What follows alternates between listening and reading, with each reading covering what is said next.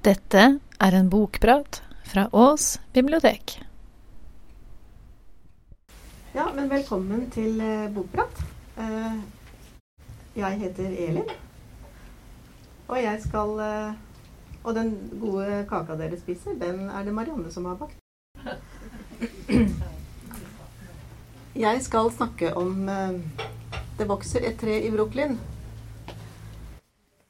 Det er jo ingen ny bok. Den eh, kom ut i 1943. Den ble oversatt til norsk i 46. Og det kom også en ny utgave i eh, norsk utgave i 2015. Og jeg veit at det er noen som har lest den.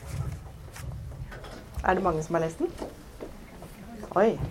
Ja, da kan vi jo riktig diskutere. Ja, vi ser om vi har lagt merke til de samme tingene i boka. Det er ei svær bok. Den er 519 sider. Og den handler om de første åra av 1900-tallet i Brooklyn. Den beskriver en familie som lever fra hånd til munn. Det er hverdagsliv i det fattige Brooklyn, og er, boka er stappfull av detaljer. Og hvordan kan det ikke bli kjedelig? Det høres jo litt trist og traurig ut. Men den er altså skrevet så innlevende og så visuelt. Så hvis en har litt nysgjerrighet på hvordan folk har levd andre steder til en annen tid, så syns jeg denne boka er et funn. Og er lagd, det er lagd både film og musical av denne boka. Francie Nolan er bokas hovedperson. Og det er ei lita jente som har en mor og en far og en ett år yngre bror som heter Neely. Og som alle andre i Brooklyn så er de etterkommere av, etter innvandrere. Faren Johnny han er, fra, er av irsk familie. Det er en veldig musikalsk familie. Både Johnny og brødrene hans eh, jobber som syngende kelnere, faktisk. Johnny er et gjennomgått menneske. Han vil ingen noe vondt. Han vil gjerne redde hele verden. Det er bare det at han er litt tafatt. Han mislykkes med mye av det han gjør. Eh, han eh, tar seg en tår som trøst, og han har vanskelig med å holde på jobbene sine. Moren, Katie, er av østerriksk familie og er helt annet kaliber. Faren hennes, faren til Katie, er streng og autoritær. Moren er et, eh, et godhjerta menneske som aldri har gått på skole. Men som har samla seg mye livsvisdom. Som innvandrer i eh, USA så, og, analfabet som hun er, så skjønte ikke hun at uh, skolegang er gratis for barn. Så Sissy, den eldste søstera til Katie, hun har aldri gått på skole og har aldri lært å lese. Katie derimot har gått litt på skole, men jobber som vaskehjelp. Katie er den som holder familien sammen. Hun har en høy arbeidsmoral. Hun har arva morens klokskap, og hun finner alltid veien ut av håpløse situasjoner. Hun er stolt, og ordet veldedighet er det verste ordet vi veit om. Og hennes skrekk er at ungene hennes skal bli hengende i fattigdommen i Brooklyn. Og derfor er målet hennes i livet at ungene skal få utdannelse. Hun har hørt fra sin mor, som da altså ikke kan lese, at det er to bøker som må leses for ungene. Det er Shakespeare, og det er Bibelen. Hemmeligheten ligger i lesingen og skrivingen. Du, du kan lese. Hver dag må du lese én side fra en god bok for barnet ditt. Det må gjøres hver dag helt til barnet lærer å lese. Så må hun lese hver dag. Jeg vet at det er hemmeligheten. Jeg skal lese, lovet Katie. Hva er en god bok? Det finnes to viktige bøker. Shakespeare er én. Jeg har hørt at selve livets under finnes i den boken. Alt mennesket har lært om skjønnhet, all dets visdom og kunnskap om livet står på de sidene. Det sies at disse historiene er skuespill som skal spilles på en scene. Jeg har aldri snakket med noen som har sett dette vidunderet. Men godseieren vår hjemme i Østerrike sa at enkelte av sidene synger seg selv som sanger. Er Shakespeare en tysk bok? Den er skrevet på engelsk. Jeg hørte godseieren vår si det til den unge sønnen sin da han skulle begynne ved det berømte universitetet i Heidelberg for lenge siden. Og hva er den andre viktige boken? Det er den bibelen protestantene leser. Men vi har jo vår egen bibel, den katolske. Mer så seg stjålet omkring i rommet. Det passer seg ikke for en god katolikk å si dette. Men jeg tror den protestantiske bibelen rommer mer av den skjønnhet som finnes i dette, som er den største historien i verden, og det hinsidige. En kjær venninne som er protestant, leste en gang for meg fra sin bibel, og jeg oppfattet det slik jeg sier. Det er altså boken. Den og Shakespeare.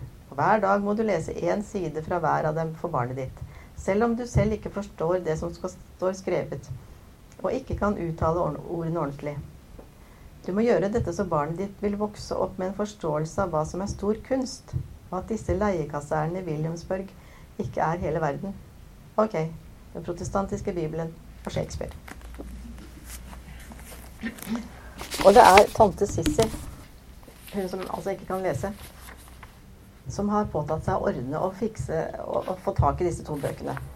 Men tante Sissy må jeg fortelle litt om først, for hun er litt av en personlighet. Hun er alltid blid, alltid hjelpsom. Hun er et oppkomme av fantasi og tiltakslyst. Og det det følger gjerne litt skandaler med denne dama. Hun elsker menn, og hun elsker barn. Hun vil så forferdelig gjerne ha et barn, og hun blir stadig gravid, men hun eh, enten aborterer eller eh, får dødfødte barn. Og hun gifter seg stadig med nye menn. Kaller dem alle for John. Det er liksom så greit. Hele familien kaller alle sammen for John. Og skilsmissepapirer, det er det ingen som spør om.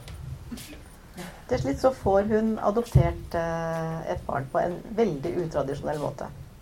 Og endelig så får hun også sitt eget barn når hun da endelig kan få hjelp på et sykehus. Men altså, disse to bøkene som eh, Sissy skal skaffe eh, til tantebarna sine. Et kassert Shakespeare-eksemplar, skuespill, får hun tigget i seg fra et bibliotek. Og en bibel stjeler hun på et hotellrom der hun har eh, et stevnemøte med en elsker. Og det leses pliktskyldig i disse to bøkene hver kveld. Men dette har en litt uheldig konsekvens, for eh, Francie tilegner seg en slags Shakespeare-talemåte som de andre ungene i gata ikke skjønner. De skjønner ikke hva hun sier, og de kaller henne Dego. Jeg vil ikke leke med henne. Men hun har egentlig aldri vært noe særlig populær heller, for hun er så veldig tankefull og annerledes enn de andre ungene. Men det å være unge i Brooklyn på den tida, det var ikke mye lek og moro. De ble stadig sendt av gårde for å gjøre ærend. De ble sendt til skraphandleren for å eh, pante skrapjern. De blir sendt til slakteren for å få tak i det billigste kjøttet. De blir sendt til øh, bakeren for å få tak i gammelt brød. Og kjøpmennene behandler ikke disse ungene særlig pent. De eh, slenger fryktelig mye ukvemsord etter ungene. Det finnes spennende butikker i Brooklyn også. Pantelåneren, der skattene ligger hulter og bulter. Det er sigarmakeren som eh, hver dag sitter og ruller sigarer hele dagen. Det er kaffe- og krydderbutikkene med fine bokser med rare navn på på en enormt stor og flott kaffekvern. Og det er temannen som står og veier nøye opp teen på en blankpussa vekt. Og det er kinamannen som vasker og stryker uh, skjorter. Han kan ikke et ord engelsk. Og han skriver kvitteringer med fine kinesiske tegn. Og han regner ut vekslepenger med eh, kuleramme. Og Francy suger til seg alle disse inntrykkene i de, i de rare butikkene. Men det er maten som er det viktigste, og den må drøyes. For det er smalhans. Og jeg blir ganske imponert over hva moren Katie greier å få ut av et par gamle brød. Og kanskje dere kan få noen tips også. Nolan-familien levde praktisk talt på det tørre brødet, og Katie kunne lage de utroligste ting av det. Hun kunne ta et tørt, gammelt brød, helle kokende vann over det, kna det til en deig som hun krydret med salt, pepper og timian, og blande med løk og egg. hvis eggene var billige, og så steke det i ovnen. Når det var blitt fint og gyllent, laget hun en saus av en halv kopp ketsjup, to kopper kokende vann, krydder og en klunk sterk kaffe, som hun tørknet til med mel og helte over bakverket. Det var godt, varmt og mettende, og det som ble til overs, ble skåret i tynne skiver neste dag og stekt i varmt baconfett. Katie laget en deilig brødpudding av tørt oppskåret brød, sukker, kanel og et eple som hun kjøpte for én penny og skar i tynne skiver. Når den var ferdigstekt og gyllenbrun, smeltet hun sukker og helte over. Iblant laget hun noe som hun hadde gitt navnet vekgeschnissen, som nøyaktig oversatt betydde noe som var laget av brødbiter som vanligvis ville ha blitt kastet. Biter av brød ble dryppet ble dyppet i en røre av mel, vann, salt og et egg, og så fritert i varmt fett. Men de stek, mens de stekte, løp Francy ned i godteributikken og kjøpte candysukker for én penny. Det ble knust med et kjevle og strødd over de friterte bitene like før de spiste dem. Krystallene rakk aldri å smelte helt, og det gjorde dem vidunderlige. Lørdagsmiddagen var et merkemåltid.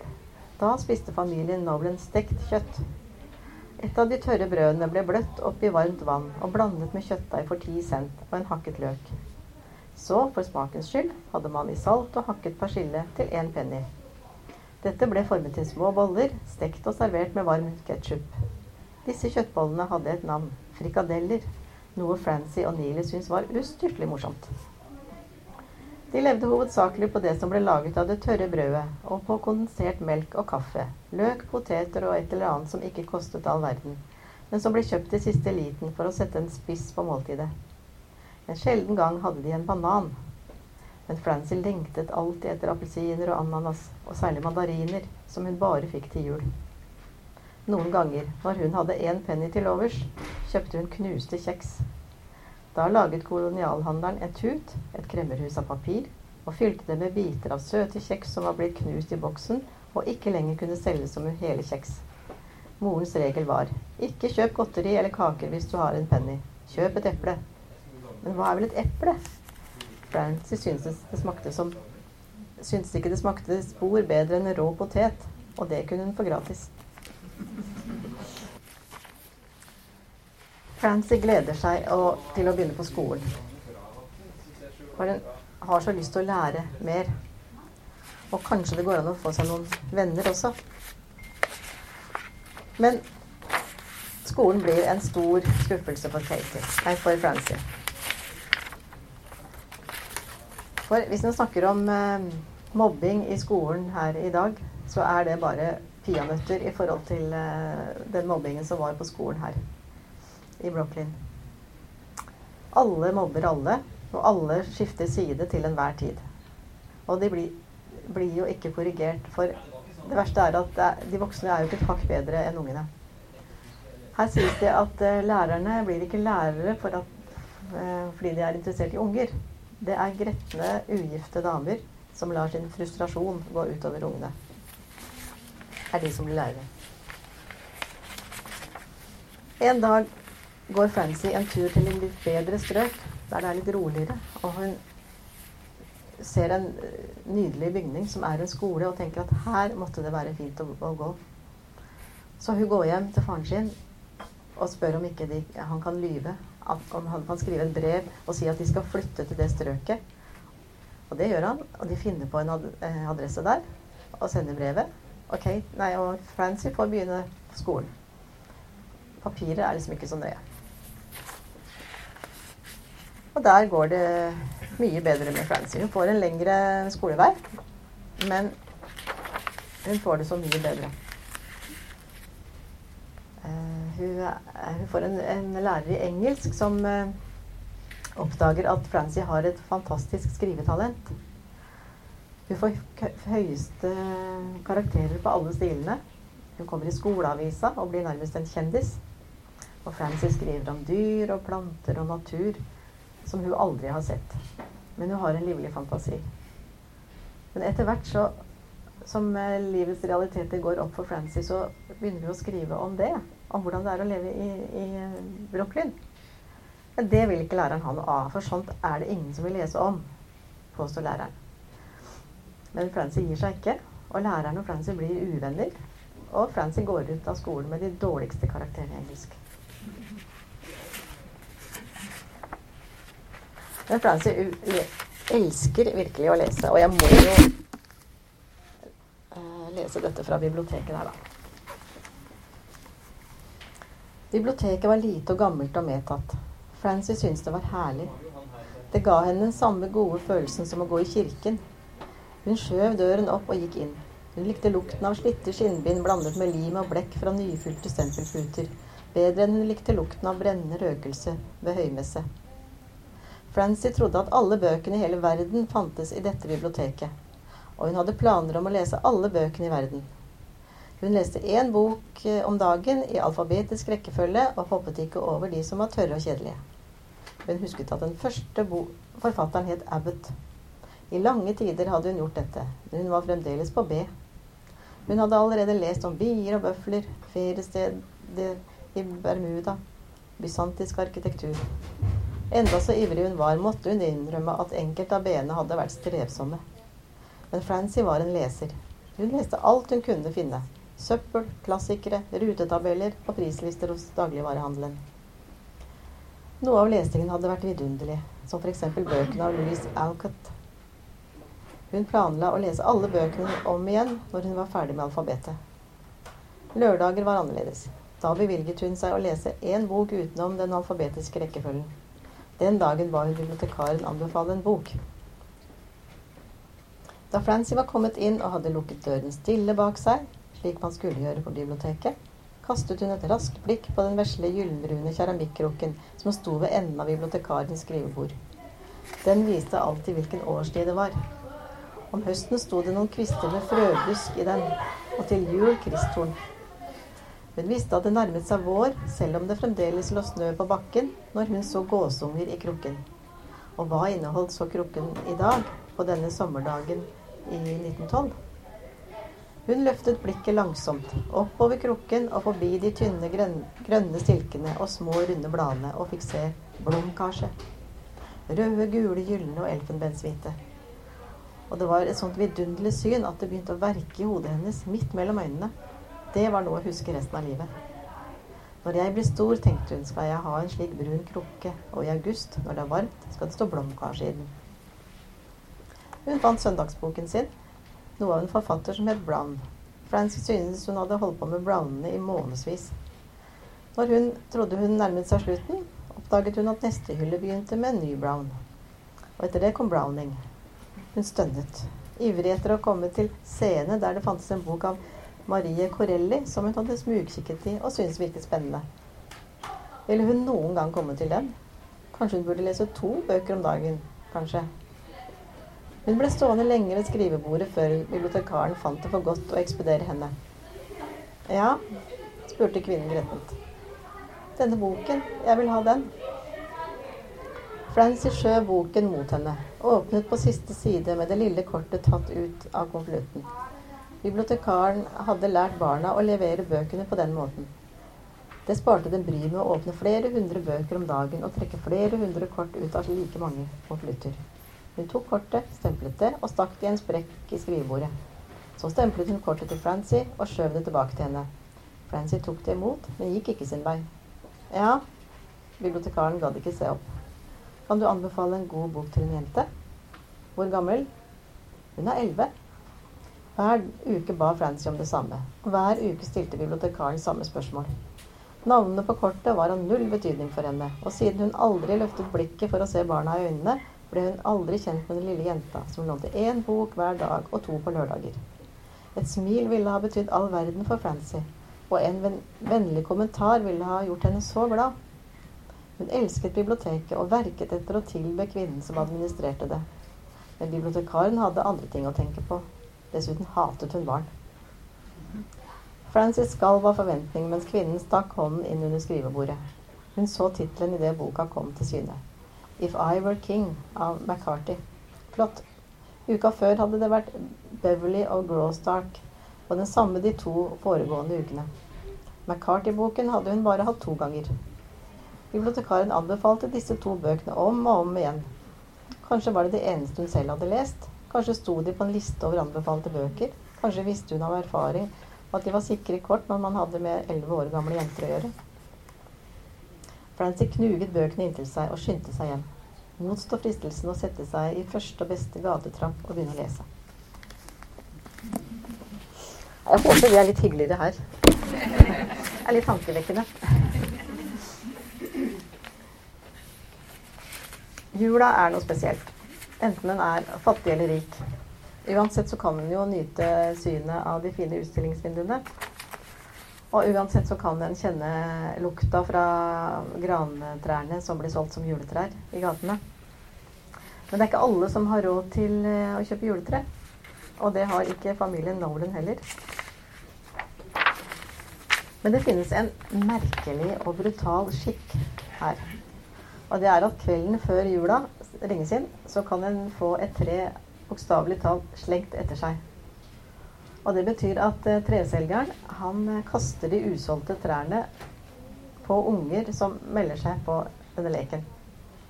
Og hvis en greier å stå når en får dette juletreet veltende over seg, så får en treet. Og hvis en ramler over ende, så får en det ikke. Og Fancy og Neely de ønsker seg så forferdelig et juletre, og derfor så melder de seg på.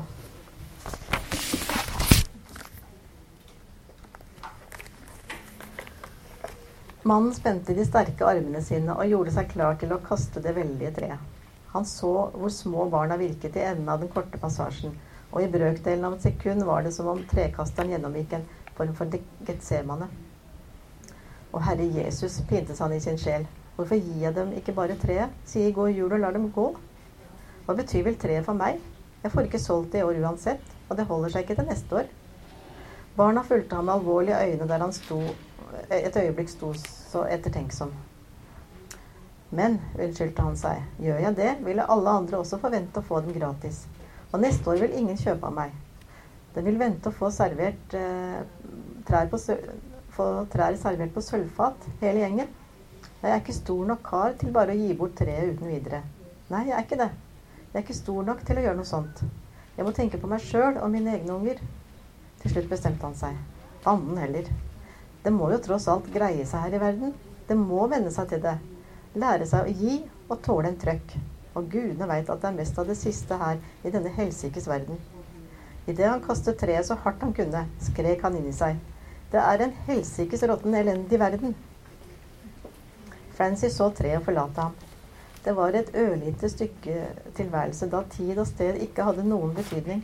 Hele verden sto stille mens noe mørkt og uhyrlig for gjennom luften.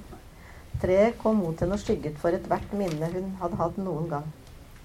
Det fantes ingenting, ingenting annet enn stikkende mørke og noe som vokste og vokste der det kom susende mot henne. Hun vaklet idet treet traff dem. Nilis klær sviktet, men hun trakk ham hardt opp før han rakk å gå i bakken.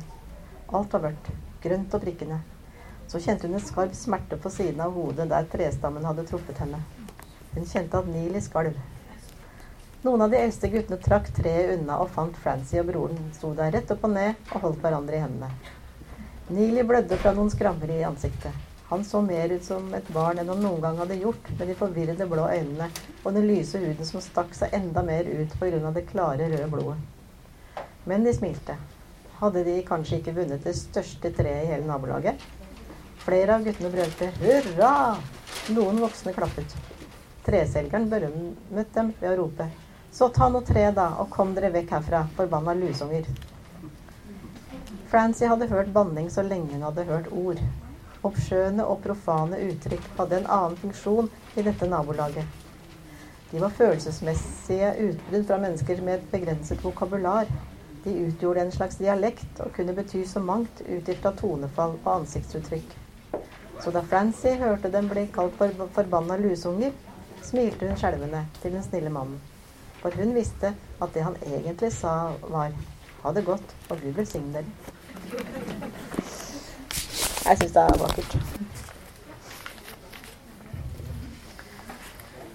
Og med stort strev så får de jo dratt dette svære treet opp i leiligheten.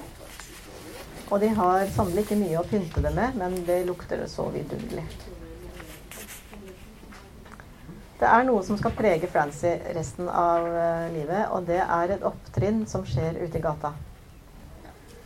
Ei nabojente i tenåra har fått en unge uten å gifte seg. Og frimodig og stolt triller hun eh, ungen sin eh, i en vogn og viser den fram. Men det skulle hun ikke ha gjort. For nabokonene de begynner å tiske og hviske. Og de begynner å rope stygge ord, heter det. Og de girer seg sånn opp at de begynner å kaste stein. Og de treffer både mor og barn. Og Francy står som limt fast i bakken og tror ikke det hun ser. Hun veit at disse nabokonene de har vært like syndige en gang. De har måttet gifte seg, og de lever i begredelige ekteskap med mye spetakkel. Og Francy vil så forferdelig gjerne hjelpe denne nabojenta, men hun tør ikke. Og det hater hun seg sjøl for. Når hun kommer hjem, så skriver hun i dagboka si Så lenge jeg lever, skal jeg aldri ha en venn som er kvinne. Jeg skal aldri stole på en kvinne igjen, bortsett fra mamma, kanskje. Og noen ganger tante Evy og tante Sissy. Faren Johnny han har alltid hatt ei svak helse. Og det har jo ikke hjelpa så mye at han, han tar seg en tår stadig vekk. Han er bare noen og 30 år da han dør. Og den lille familien de eh, står igjen eh, helt lamslått. Og de greier ikke å gråte ut sorgen. En kveld sender Katie ungene ut. Og Francie og Neely de går rundt i gatene, og så begynner de å snakke om pappaen. Og så begynner de å gråte, og de setter seg ned og gråter og gråter.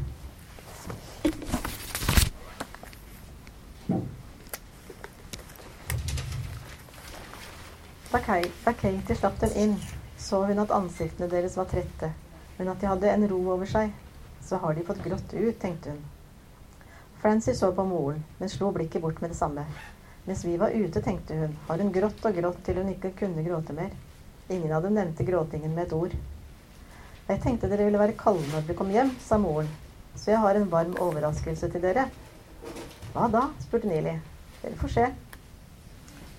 Overraskelsen var varm sjokolade, laget av kakaopulver rørt sammen med kondensert melk og så spedd ut med kokende vann. Katie helte den tykke, mektige væsken opp i koppene. Og ikke nok med det, la hun til fant tre marshmallows i en papirpose hun hadde i forklærlomma, og slapp én i hver kropp. Mamma, sa barna ekstatisk i kor. Varm sjokolade var noe helt spesielt, som vanligvis bare var forbeholdt bursdager. Mamma er virkelig helt suveren, tenkte Francie idet hun presset marshmallowen ned med skjeen og så det smelte hvite lage tynne virvlende årer i den mørke sjokoladen. Hun vet at vi har grått, men hun stiller ingen spørsmål. Mamma Og med ett kom Francie på hvilket ord som passet til moren. Mamma fomler aldri. Nei, Katie fomlet aldri. Når hun brukte de vakkert formede, men slitte hendene sine, brukte hun dem med autoritet, om det så var for en eksakt bevegelse å sette en avbrukket blomst i et glass vann, eller bestemt å vri vannet ut av en vaskefille. Innover med høyre hånd og utover med venstre. Samtidig. Når hun snakket, var det med oppriktighet og enkle, presise ord, og tankene hennes beveget seg i en klar, kompromissløs linje.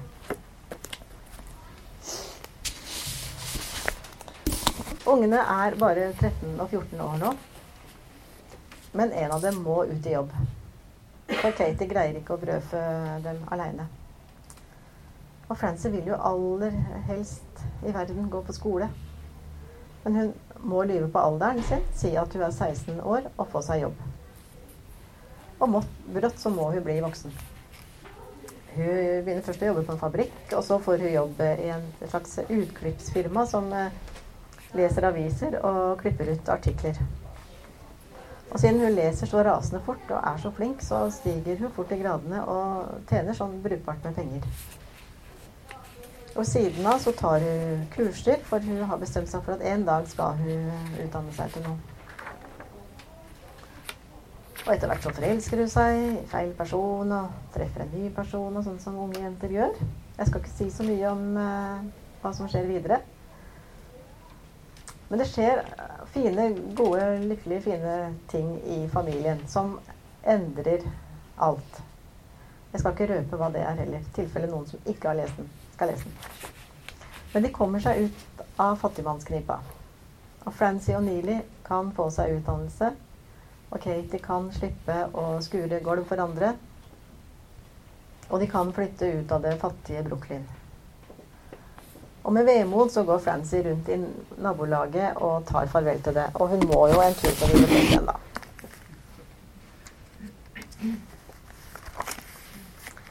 Etter lunsj gikk hun til biblioteket for å levere tilbake bøkene sine for siste gang. Bibliotekaren stemplet kortet hennes og skjøv det som vanlig tilbake uten å se opp. Kan du anbefale en god bok til en jente? spurte Francy. Hvor gammel da? Hun er elleve. Bibliotekaren fant en bok under skrivebordet. Francie så tittelen 'If I Were King'. Jeg vil ikke låne den på ordentlig, sa Francie, og jeg er ikke elleve år. For første gang kikket bibliotekaren opp på Francie. Jeg har kommet hit siden jeg var liten, sa Francie, og du har aldri sett på meg før nå. Det er så mange barn innom her, sa bibliotekaren grettent. Jeg kan ikke se på dem alle sammen. Var det noe mer? Jeg vil bare fortelle om den brune krukka, om hva den har betydd for meg. Det at det alltid står blomster i den. Bibliotekaren så på den brune krukka. Det sto en liten bukett rosa villasters i den. Francy fikk følelsen av at det var første gang bibliotekaren så den brune krukka også. Og den. Det er vaktmesteren som setter blomster i den. Eller noen andre. Var det noe mer? spurte hun utålmodig. Jeg vil levere inn lånekortet mitt. Francy skjøv det krøllete kortet over bordet. Det hadde eselører og var fullt av stemplede datoer. Bibliotekaren plukket det opp og skulle til å rive det i to da Francy tok det tilbake. Eller forresten, jeg tror jeg beholder det likevel. Hun gikk ut og ble stående lenge og se en siste gang på det medtatte vesle biblioteket. Hun visste at hun aldri ville få se det igjen. Blikket endrer seg når, når de har sett nye ting. Om hun med tiden skulle komme tilbake, ville hennes nye blikk få alt til å se annerledes ut enn slik hun så det nå. Og det var slik hun så det nå hun ønsket å huske det. Nei, hun ville aldri komme tilbake til det gamle nabolaget. Og før hun um, forlater leiligheten deres, så kikker hun, seg, kikker hun ut i bakgården. Hun så ned i gården. Treet med de paraplyformede bladene som hadde snodd seg rundt under og over branntrappen hennes, var blitt fjernet fordi damene i huset klagde over at klesvasken viklet seg inn i greinene. Huseieren hadde sendt to menn for å hogge det ned. Men treet var ikke dødt. Det var ikke dødt. Et nytt tre hadde vokst opp fra stubben, strukket stammen bortover bakken, til det fant et sted der det ikke var tørkesnorer. Og der hadde det igjen begynt å vokse, mot himmelen. Grantreet som Nolan-familien hadde pleiet med vann og gjødsel, hadde for lengst syknet hen og dødd. Men dette treet i gården, dette treet som menn hogde ned, som de bygget bål omkring for å brenne opp stubben, dette treet levde.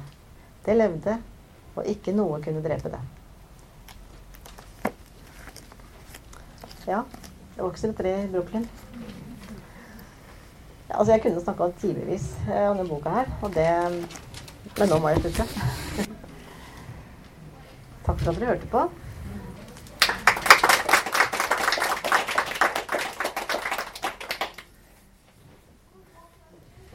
Er det noen som har noe